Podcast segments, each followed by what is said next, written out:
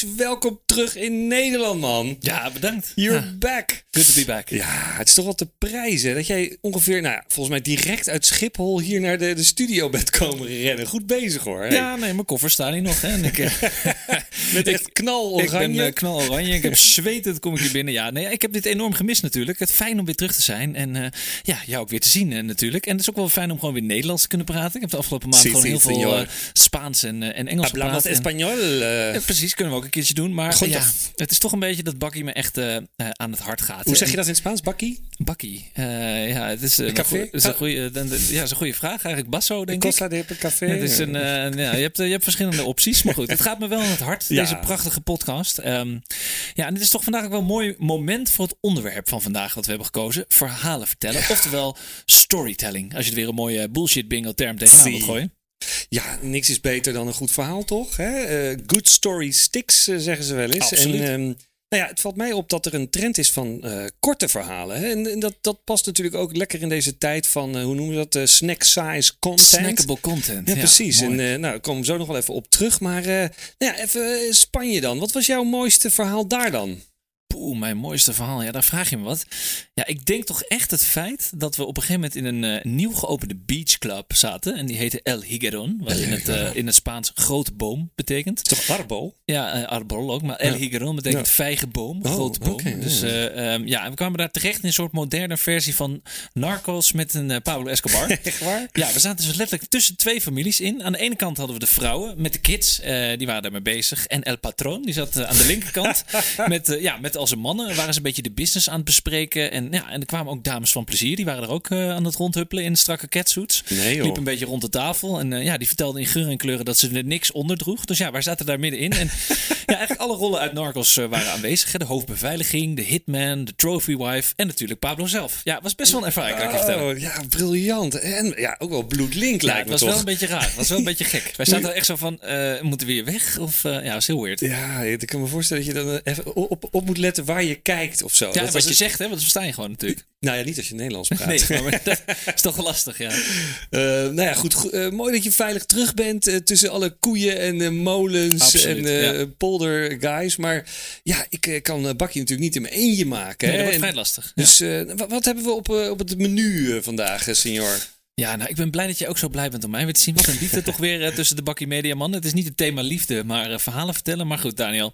Naast onze verhalen hebben we deze week ook weer twee echte topquoters eh, te gast. We hebben aan de ene kant Lex Notenboom, de podcastmaker die Kijk. eigenlijk zijn baan opzij om een ehm, eh, Engelstalige hitpodcast eh, te maken. Hardcore. De Dekker Tapes. Ja, dat is een regelrechte eh, podcast hit. Ehm, heb je nog niet geluisterd? eh, luister hem vooral. En we hebben ook weer Jeroen de Bakker van audio agency Airborne te gast. Onze nieuwste vriend van de show en fan van het allereerste uur. Zij deden namelijk onderzoek naar de kracht van audioverhalen. Maar voordat we daarheen gaan, wat heb jij hier eigenlijk allemaal beleefd, Daan? heb jij nog mooie verhalen eh, te vertellen? Eh, nou, ik heb eh, geen, eh, geen maffia gezien, maar ik ben ook echt dan totaal niet in, in de horeca geweest nog. Wel even op het terrasje. Maar nou ja, in mijn daddy life, Heemsteedse daddy life, is er ook wat gebeurd. Ik heb natuurlijk een huis gekocht. Ja, absoluut. Ja, ik heb mijn eigen huis ook nog eens een keer verkocht. En ja, en nog iets anders. Ik ben na tien jaar ben ik weer opnieuw begonnen met, met het leren van, van golf. Ja, dat vind ik toch wel mooi. Golfen, ja, dat is wel passend hè, voor zo'n oude kakker als jij. ook. Hey, je hebt wel je golfbroekje ook aan, leuk. Ja, ik heb een korte broek aan. Dat is gelukkig, gelukkig is dat niet te zien. Maar eh, ja, eh, koude kakker. eh, jij hebt natuurlijk als future pensionado in eh, Marbella dit natuurlijk allemaal gemist. Ja, maar zeker, ja. in jouw afwezigheid is, is golf gewoon een volkssport geworden. Hè? Ik bedoel, de Nederlandse Golffederatie is een vijfjarige samenwerking gestart met de Jumbo. Om het allemaal nog toegankelijker te maken. Oh, Thijs, nou, Dat, dan zou ze ook in Spanje ja. naartoe kunnen gaan. Want daar heb je om, om elke hoek heb je, een, heb je een golfbaan liggen. Dus dat zou Jumbo misschien ook eens kunnen doen. Ah, Gumbo noemen we dan. Goed.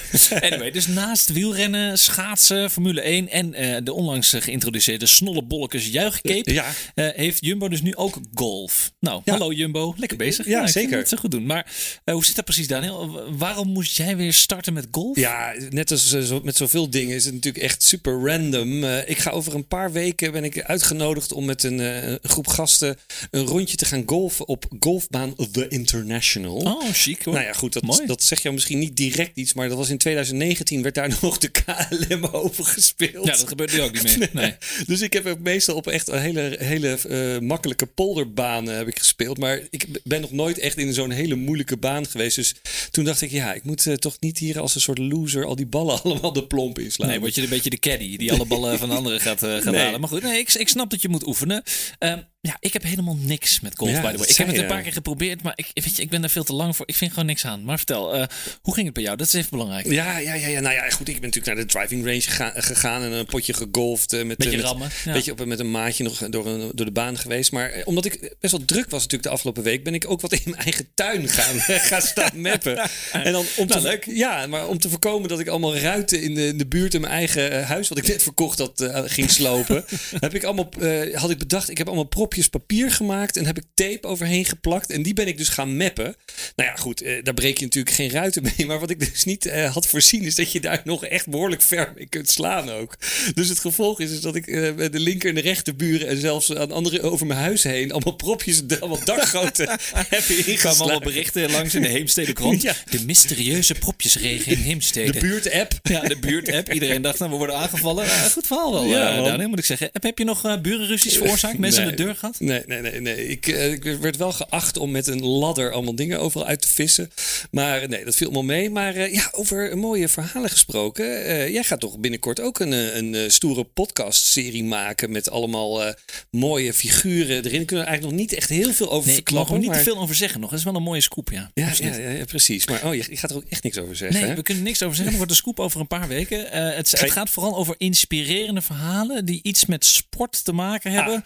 Ik wil net En, zeggen, wat, eh, wat voor mensen, sporters? Ja, het doet ook iets met de coronaloze sportzomer. Althans, we hebben natuurlijk wel een sportzomer. Alleen wij mogen er niet naartoe. Behalve misschien naar het, eh, naar het EK. Maar, maar goed, Daniel. eh, daarover vertellen we later in een van de volgende afleveringen wat meer. Oké. Jij had het net al even over snackable content. Over korte verhalen. Hoe zit dat precies? Ja, ehm, nou ja, weet je, kijk, als, we, als wij over straat lopen of jij komt een maatje tegen en iemand zegt, oh, ik heb nu toch een goed verhaal, dan is het nooit zo dat dat verhaal drie uur duurt of zo. Dat je Alleen bij gewoon jou meestal. Nee, nee, maar ik bedoel, meestal is het dan gewoon een, eh, een paar minuten of een kwartier. Weet je, meestal ga je er redelijk rap doorheen. Dus de beste verhalen zijn in feite altijd gewoon korte verhalen. Ah, Oké, daar- geef eens een voorbeeld van onlangs. Nou ja, goed. Hè, dit is eigenlijk een ultrakort eh, eh, voorbeeld. Eh, eh, en het is niet eens echt een verhaal. Het is vooral eigenlijk één emoji. Wat één zeg maar, eh, plaatje al teweeg kan brengen. En, maar als je het ziet, er zit er wel echt een mega groot eh, wereldverhaal achter.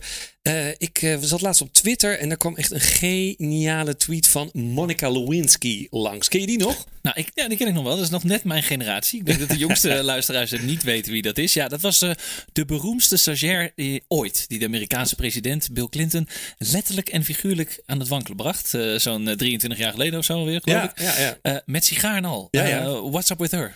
Nou ja, kijk, Monica is werkelijk een keizerin in het posten van echt vlijmscherpe reacties. Hè? En een week of wat geleden. Tweet kwam- queen. Ja, die is echt top. En een week of wat geleden was er een, een vraag van het Twitter-account Uberfacts.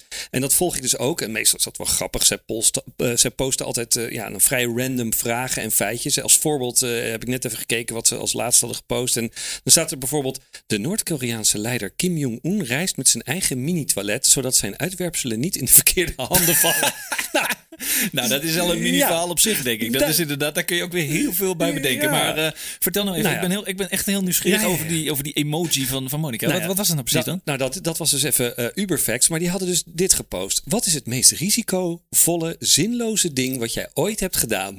En het enige wat Monica toen postte als antwoord was een emoji met van die hele grote ogen, die side eyes. Zo van, eh, ja, hallo. wat denk jij? Ja. Geweldig.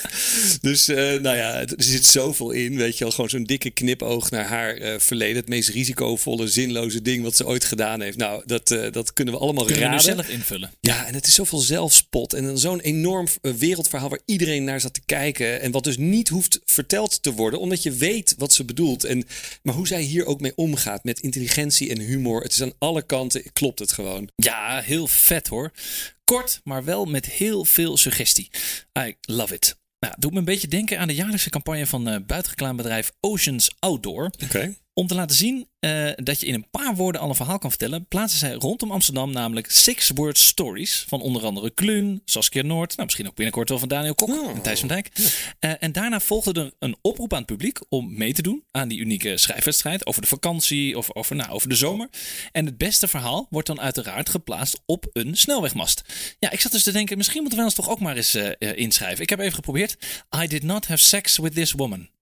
Oh nee, dat zijn al acht woorden. Uh, nog even oefenen dan, denk ik, Daniel. Ja, ja, ja. ja. Maar en, um, heb je nog voorbeelden van, die, uh, ja, van dit soort six-word stories? Nou ja, de mooiste die ik tegenkwam was eigenlijk de aankondiging... Deze wedstrijd is lastiger dan je...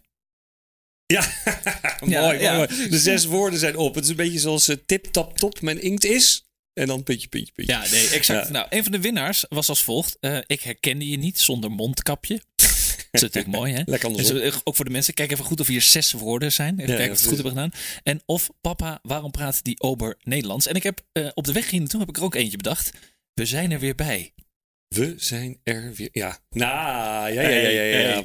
Padam. ja die kan iedereen, die kan iedereen invullen. Ja, dan ga je zo meezingen. Ja, ja, absoluut. Ja, korte verhalen zijn dus inderdaad echt geweldig. Maar nou ja, we hadden het natuurlijk recent ook over de kortste podcast van Nederland door Maxime Hartman. Het is overigens niet kort qua aantal afleveringen, want het zijn er volgens mij al 200. 200, ja. Maar Mand heet hij. Maar goed, Thijs, wij als bakkie maken zijn natuurlijk altijd op zoek naar de meest opmerkelijke verhalen en toffe initiatieven en die nomineren we dan voor onze eigen bedachte award, de Gouden Barista. Ja, zeker. Ja, door Bakkie Media, voor Bakkie Media luisteraars. En wat hebben we deze keer?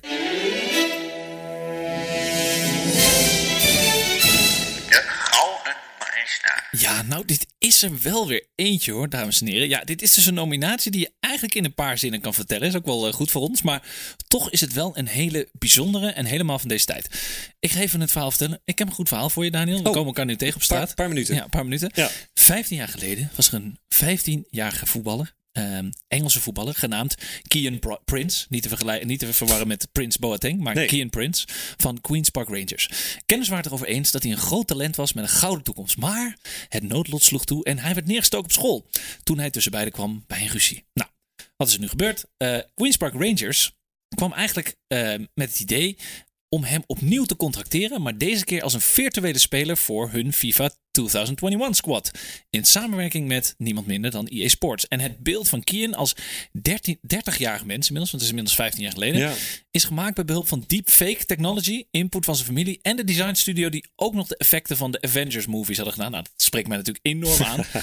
en dit is ook nog een, uh, een, onderdeel van een grotere campagne om jongere kinderen te informeren over geweld op straat. Nou, dat is toch fantastisch Ja, het is een heel mooi verhaal. Erg cool. Je moet uh, via de show notes maar even de trailer bekijken. Geweldig. En die vader van, uh, van Kian, die, die was hier ook heel fanatiek bij betrokken. Heel nou ja, emotioneel verhaal. Maar ook mooi hoe je iemand dan kan laten voortbestaan. En dat er dan straks in allerlei huiskamers nieuwe verhalen rond deze jongen worden gecreëerd. dat zou ook een mooie geste zijn vanuit Ajax richting Nouri, denk ik. Ja. ja, dat is wel een tof idee. Maar terwijl Nouri eigenlijk vorig jaar juist uit FIFA was oh, gehaald. Ja, want ik speelde het nog wel eens. En toen was hij dus, kon je hem niet meer selecteren. Uh, ik zeg, het is tijd voor een soort virtuele comeback. Uh, al denk ik wel dat het een klein beetje gevoelig ligt met die rechtszaken op dit moment. Maar goed, dat even terzijde. Ja. Uh, en misschien is het ook wel goed om onszelf laten te vereeuwigen. Weet je wel, dat Bakkie Media lives on. Als wij dat niet meer zijn, dat iemand anders ons dan namaakt. Maar goed. ik weet het niet. Daniel, elke barista heeft namelijk ook nog een tegenhanger, de koffie verkeerd. wat gaat er deze week allemaal mis? Ja, nou, het is natuurlijk niks wereldschokkends wat ik hier heb. Maar we zouden natuurlijk hè, Sievert van Lienden met zijn mondkapjes hier een veeg uit de pan kunnen ja, geven. Dat doet iedereen al. Nou ja, daarom, weet je wel, dat hebben we nou allemaal wel gehoord. Hoe die dan belastingpoen in zijn eigen zak, zak stopte en verrotte mondkapjes uit China had gehaald. Was maar 12 miljoen, dus ja. precies, maar daar had Joep van het Hek al een fantastische column over geschreven. Nee, ik heb meer iets persoonlijks en ik merkte op social media dat ik dus niet de enige was. Dus het is niet alleen maar persoonlijk. En mijn kinderen die kijken dus op elke vrijdag mogen die wat langer tv kijken, hè, want het is weekend. En soms kijken ze dan de Masked Singer. Oh, echt waar? Ja, daar heb ik nog nooit over gehoord. nou, dat weet ik veel. Dat hebben we hier wel eens. Of de Lego Masters of zo. Oh, ja, en, precies, en ja. de laatste paar weken is het dan The Voice Kids. Hè? En met nadruk op Voice Kids. En afgelopen weekend was dus de finale. Maar in plaats van dat de winnaar gewoon aan het eind van de show retteketet met confetti en appelsap en uh, weet ik het wat werd uh, beloond, uh, kwamen alle finalisten Eh, die gingen weg en die kwamen terug in de talkshow van Bo. En Nee, wisten- dat meen je niet. Ja, we wisten nog steeds niet wie het gewonnen had. En nou ja, mijn kinderen die had ik op een gegeven moment alweer eh, naar bed gestuurd. En, en er werden, werden al die kandidaten en hun coaches nog een uur lang ondervraagd. Met allemaal van nou, en dan horen we straks wie hier gewonnen. En allemaal portretten en dit en dat en instartjes en rekken, rekken, rekken. Nou ja, goed, kinderen al in bed. En om 11 uur werd de winnaar bekend. Nou, wij waren al onze Netflix-serie aan het kijken. Dus we hadden het ook al gemist. Maar wat is dat nou voor waardeloze manier om met jonge kijkers om te gaan? Dat is toch gewoon een soort minachting van je. Kijk, niet iedereen is natuurlijk een kind. Maar het is wel een soort show wat kinderen trekt. En nou ja, gewoon geen wonder dat de lineaire televisie op die manier vergrijst. Nee, ik ben er bijna stil van. Er gebeurt het niet vaak. Maar ge- geen spel tussen krijgen eh, tussen dit betoog. Maar ook opvallend, ja, ook al die reacties van fans op Twitter en op alle andere social media kanalen.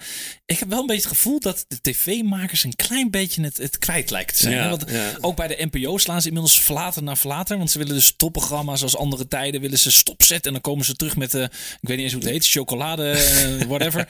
en dan komen ze met allemaal, ja, we willen het aantrekkelijker maken. Met Rutger Kastrikum op tv. Nou, dat scoort nog geen, geen, geen 400.000 kijkers. De, de bluffer of zo? Ja, de, de de, de, de de hofnaar of wat was het? Nee. Het, het wordt echt van top naar flop. En ja, ze begrijpen niet helemaal hoe ze met, eh, met de jonge kijkers zo Nee. moeten gaan, heb ik het idee. Helemaal eens. Nou ja, goed. Wij houden het gewoon lekker bij audio. We Nee, like precies. that. En eh, ja, audio is dan toch ook, weet je, Thijs, een van de meest laagdrempelige en logische manieren om gewoon eh, je verhaal te vertellen. Letterlijk gewoon eh, microfoon aan en praten. En natuurlijk moet je wel het een en ander voorbereiden. Maar nou ja, en, tegelijk is het ook wel zo, merk ik dan zo links en rechts, re- rechts ook in mijn eigen werk, dat sommige merken en partijen in het, in het vak soms ook nog wel een beetje twijfelen over, is, heeft dit wel genoeg impact, bereikt het wel genoeg mensen, heeft het wel genoeg eh, effect? Maar nou ja, daar is nu wel een keer echt goed onderzoek naar gedaan, toch? Hoe zit dat precies? Nou ja, kijk, weet je, het is het aantal podcasts van adverteerders in Nederland is de afgelopen jaren explosief gegroeid. Weet je, de podcast eh klomen als paddenstoel- paddenstoelen uit de grond. Maar de belangrijkste vraag die heel veel merken natuurlijk hebben van wat is nou het effect voor ons, eh, los van het bereik. Eh, ja, en samen met onderzoeksbureau Mediatest onderzocht Airborne, dus voor het eerst in Nederland, de merkeffecten van verhalende podcast. aan de hand van de podcastreeks Topstukken van de Bank Giro Loterij. En ook voor hun klant AWB werd de impact van podcast eigenlijk uitvoerig gemeten. Oké. Ja, en daarover spraken wij niemand minder dan Jeroen de Bakker, vriend van de show. En hij wil daar toch even wat meer over vertellen. Laten we even luisteren naar wat hij daarover te zeggen heeft. Ha Thijs en Daniel. En natuurlijk alle luisteraars. Jeroen de Bakker van audio agency Airborne hier. Eigenlijk moet ik zeggen, weer hier. Een aantal weken geleden vertelde ik in de Bakkie Media podcast dat steeds meer adverteerders zelf podcast ontwikkelen. Wat logisch is, want het luisteren naar digitale audio groeit hard. Meer dan de helft van de Nederlanders luistert inmiddels regelmatig naar een podcast. En de onverdeelde aandacht krijgen van consumenten door ze te laten luisteren naar een interessant of leerzaam verhaal voegt duidelijk iets toe aan de middelenmix. Vooralsnog werd het succes van podcast vooral gemeten in downloads en doorluistertijd. Maar wat is het merkeffect van branded audio? Voor onze klant, de Bank Giro Loterij, deed Airborne voor het eerst in Nederland een onderzoek naar merk- en boodschapoverdracht. Met mooie resultaten. We deden onderzoek naar de podcast Topstukken. Misschien ken je hem wel. Hierin interviewt Albert Verlinde experts van musea over hun favoriete topstuk. Mooie en bijzondere verhalen van de T-Rex tot het melkmeisje. Wat blijkt? Deze verhalende podcast heeft een significant positief effect van bijna plus 30% op de houding ten aanzien van de Bank Giro Loterij. Het merk wordt sympathieker en vriendelijker ervaren. De luisteraars vinden de verhalen van topstukken leerzaam en associëren de Bank Giro Loterij na het luisteren van de podcast beduidend vaker met cultuur. Het percentage onder de vrijwillige luisteraars dat zegt te willen meespelen met de Bank Giro Loterij is bijna verdubbeld. Meer over ons onderzoek is te vinden op airborne.audio. Nou, Thijs en Daniel, dit wilde ik graag even kwijt. Dank voor de airtime en natuurlijk voor het luisteren. PS, we hebben ook verborgen verhalen van ANWB onderzocht. Ook hier zie je dat het vertellen van goede verhalen werkt. In dit geval over lokale legendes en oude mythes. Ook voor ANWB leidt de podcast tot positieve merkeffecten. Meer over deze case vinden jullie ook op airborne.audio. Nou, bedankt weer en tot de volgende keer. Ja, mooi man, Jeroen. Ook een uh, goede stem. Zou zo een uh, audioboek in kunnen spreken. Ja, voor Storytel. Ja, je wordt er helemaal uh, rustig van. Maar ja, mooie resultaten en effecten van inderdaad de podcast. en waren wij toch maar lekker vroeg bij, nietwaar Thijs? Nou ja, het is inderdaad alweer bijna twee jaar geleden. En ja, die van top, topstukken van de Bank Giro Loterij heb ik dus ook geluisterd. Ja, met niemand minder dan cool. Albert Verlinde. Hè, natuurlijk een oude, goede tv-corrivee. RTL Boulevard. Nu ook in de podcast gestapt. Ja. Ik vond het wel een vermakelijke podcast. Met ook wel een passende naam. Um, en ook wel goede sponsoring van de Bank Giro Loterij. Die van ANWB die staan nog in mijn playlist uh, uh, voor onderweg. Uh, Jeroen, bedankt voor deze luistertips. we komen later weer bij terug. Ja, ja, ja. oké. maar dan hebben we dus zeg maar de bevestiging dat, dat audio en podcast supergoed werken. Dat is mooi, hè? Maar dan, Weet je, hoe ga je dan verder? En wij konden met uh, Bakkie natuurlijk gewoon van, start gaan. En konden we gewoon even een beetje googlen en kijken wat vinden we leuk om te bespreken. Maar als je bijvoorbeeld echt een, een fictie-podcast wil maken, een thriller of zo, of een, inderdaad een, een dramatisch uh, verhaal, dan uh, ja, dat is toch wel super mooie vorm van content. Maar ja, je moet het dan wel natuurlijk formateren, schrijven. En ik, uh, ik weet een beetje uit eigen ervaring dat dat echt een vak apart is. Daar kun je niet zomaar gaan zitten en gewoon schrijven. Ik bedoel, daar moet je echt wel goed over nadenken. En uh, ja, zoals dat zeggen, goede en originele narratieven ontwikkelen. Dat is echt, er zijn er maar weinig die dat echt goed kunnen. Nou ja, en daarom zijn we dan ook meer dan trots dat we een van de makers van zo'n podcast als quote in onze aflevering hebben. Niemand minder dan Lex Notenboom yes. maakte namelijk een van de meest legendarische fictiepodcasts ooit, genaamd The Decca Tapes. Nou, ik zei het al even in de introductie. Luister het is, het is geniaal. Het is een dikke aanrader. En ja, Lex was hiervoor zelfs genomineerd voor een Webby Award. Zeg maar een beetje de Oscars van het internet. Ja, ja, ja, ja, ja. ja. En in de, de reviews wordt zelfs de vergelijking getrokken, las ik, met Black Mirror, gewoon de, de Netflix-serie. Het is eigenlijk een soort Netflix voor je oren. Dit, Zeker, hè? ja.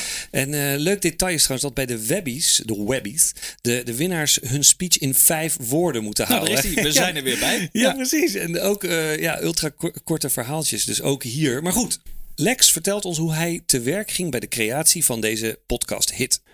Oké, hoe construeer je een goed verhaal en hoe zet je dat in de markt? Dat zijn twee gigantische vragen, maar ik zal proberen uh, twee uh, adviezen te destilleren. Um, mijn eerste advies zou zijn dat je je moet laten leiden door het initiële idee waar je enthousiast van werd. Uh, dus als je een idee hebt voor een verhaal, vraag je dan af welk medium goed bij dat idee past. Maak er niet per se een podcast van, puur en alleen omdat het uh, nu hip en happening is. Um, bij mij was het eerste idee van de Decatapes uh, uh, echt inherent verbonden aan het concept van audiodagboeken. Dus dat maakte het heel toepasbaar op een podcast. Um, nou, daarnaast, in algemene zin, is een veelgebruikte mechaniek om een spannend verhaal te vertellen hoe je informatie doseert. Dus ofwel de luisteraar of lezer of kijker meer te laten weten dan het personage. Hè, dat, dat bouwt spanning op. Of het personage een, een onbetrouwbare verteller te laten zijn. Hè, dus, die, dus die lijkt alle, alles bloot te geven, maar dat is eigenlijk niet zo. Um, nou, de Decatapes gaat over een groep van tien mensen uh, die samen opgesloten zitten. En elke aflevering is vanuit het perspectief van een ander lid van die groep. Dus zo kom je erachter hoe onbetrouwbaar alle vertellers zijn, bewust en onbewust. Dus dat was daar een heel uh, dankbare en belangrijke mechaniek.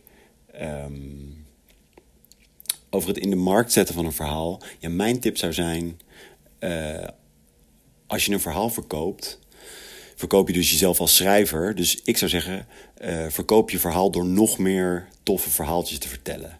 Toen uh, de Decatapes uitkwam, had ik een spin-off verhaallijntje op Twitter. Weer een ander verhaallijntje in de mailinglist. Een andere voor PR. Zeg maar, overal speelden zich kleine verhaaltjes af die um, het publiek nieuwsgierig moesten maken naar meer. En naar dat hoofdverhaal op de podcast uh, moesten trekken, zeg maar. Um, ja, dus, dus als je een verhaal wil verkopen, uh, vertel nog meer toffe verhalen, zodat ze uh, benieuwd worden naar jou als uh, schrijver. succes!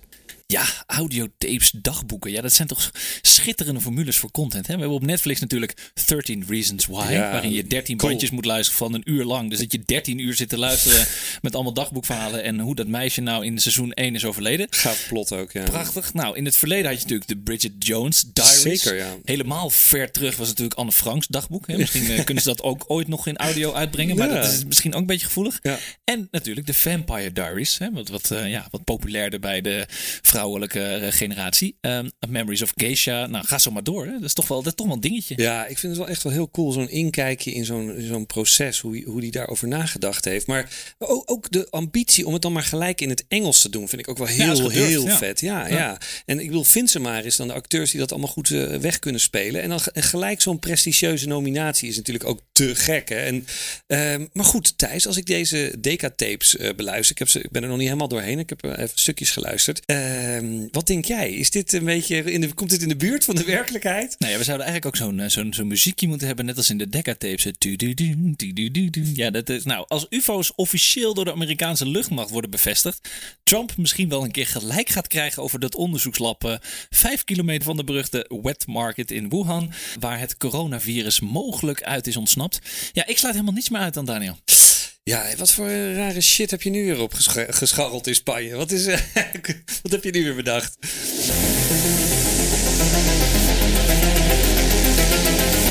Complot or not?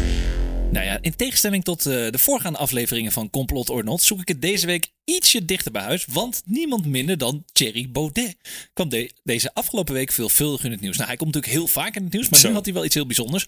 Nou, allereerst omdat hij met zijn Forum voor Democratie zijn eigen forumland wil oprichten.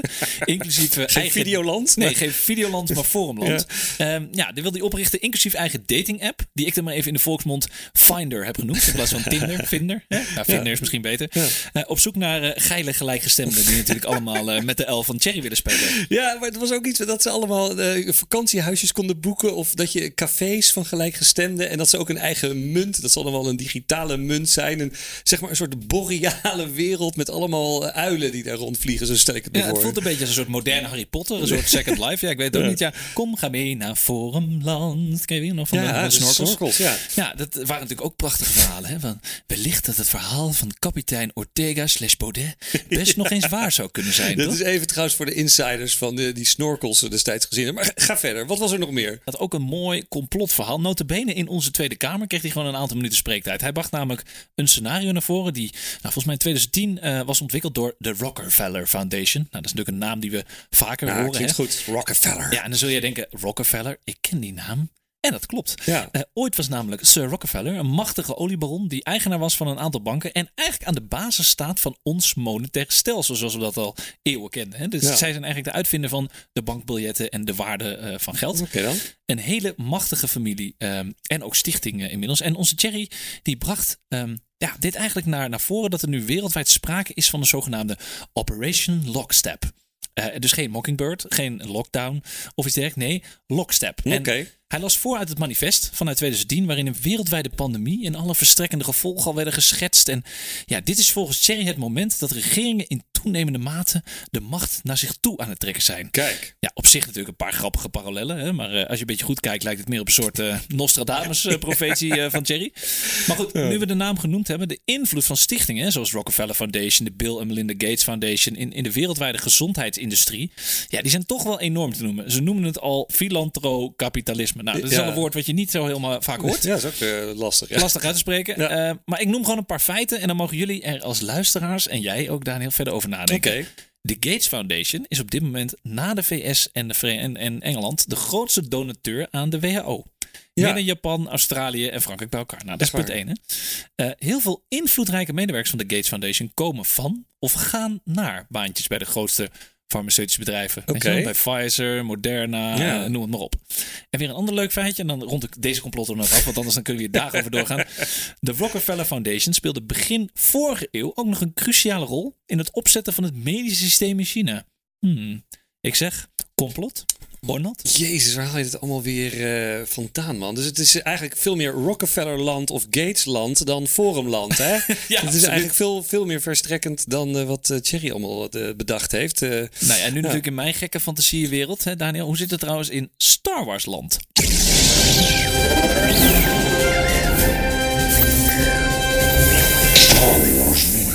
Ja, Thijs, Star Wars land, het nieuws uit de galaxy far, far away. Ook, eh, sluit ook deze keer weer naadloos aan Wat op een onze... toeval, hè? Mooi. Ja, op onze, onze storytelling aflevering. Het gaat over een fenomeen wat in Amerika al heel groot is, maar in Nederland eigenlijk nog niet bestaat. Dus ik zou zeggen, luisteraars, als je nog eh, jong bent en ambitieus, eh, haak hierop in. Het is de zogenaamde fan film. Nice, ja, klinkt goed. ja, en fans die gefrustreerd zijn over een bepaald einde of die bijvoorbeeld hun helden missen, die gaan vaak zelf aan de knutsel en maken dan met wat bordkarton en goedkope special effects eh, en microfoons die half eh, in beeld komen te hangen, maken ze een eigen versie van hun favoriete film. Nou, dat is wel geweldig. Toch? Dat zou je ook gewoon kunnen doen met je kids. In plaats van golven met die propjes, zou je gewoon je eigen films kunnen maken als echte Star Wars fan. Of de frustratie over Game of Thrones wegnemen. Ja, weet je wel? Dan kun je toch dat einde toch herleven, denk ik. Nou, zeker. Dat lijkt me ook geweldig. En ik, eh, ik heb nog wel ergens een masker liggen, denk ik. Of een, een lightsaber. Maar nou komt het, deze versies van Star Wars, maar ook van sommige andere films, zoals Indiana Jones of Spider-Man, die wor- worden onderhand zo goed dat ze nauwelijks nog van de echte te onderscheiden zijn. En budgetten Oh. van deze films die zijn inmiddels al rond de 1, 1,2 miljoen. En dat is bij wijze van spreken meer dan een gemiddelde Nederlandse film. Ja, Weet je wel? ja. En fans doen dit dan bijvoorbeeld om zich in de kijker te spelen. Dus dat zijn eh, ambitieuze jonge regisseurs of cameralieden. En, eh, en ze willen dus zeg maar een beetje op de radar komen van de grote studio's. Maar in de praktijk komen ze vooral op de, de radar van de grote advocaten van de, van de studio's. Want die denken, nou, je valt Ja, wel een beetje licentierecht gestolen. Oeps. Ja. Kom maar hier met die miljoen. maar goed, eh, toch staat YouTube er eh, nog steeds vol mee. En check it out. En wat trouwens ook een aanrader is, is de documentaire Raiders. The Story of the Greatest Fan Film Ever Made. Dat is uit eh, 2015 over een groep jeugdvrienden die in de jaren 80 scène voor scène probeerden Raiders of the Lost Ark van Indiana Jones na te maken. En de film is geloof ik nooit afgekomen, maar die documentaire is echt de moeite waard. Dat is een soort Sagrada Familia. Dat is een soort film die nooit afkomt. Exact, Dus, eh, ja. Schitterend. Mooi, cool. Ja, ik ga hem zeker kijken. Ik heb hem nog niet gezien. Ehm, maar Daniel, met al die verhalen zijn we toch alweer helaas aan het einde gekomen van deze Bakkamelia aflevering. Ja, aan al het moois komt ook altijd een einde. Soms een happy einde, soms niet. Deze aflevering is zoals gebruikelijk terug te luisteren op alle bekende podcastplatformen. Ook zijn we terug te vinden bij onze mediapartner, De Adformatie en ons podcastlabel Topcast Media. En op social media kan je ons vinden op Twitter via @bakkimedia, op Instagram via @bakkimediapodcast en ook op Facebook voor onze familie en vrienden. Tot de volgende keer. Hasta luego!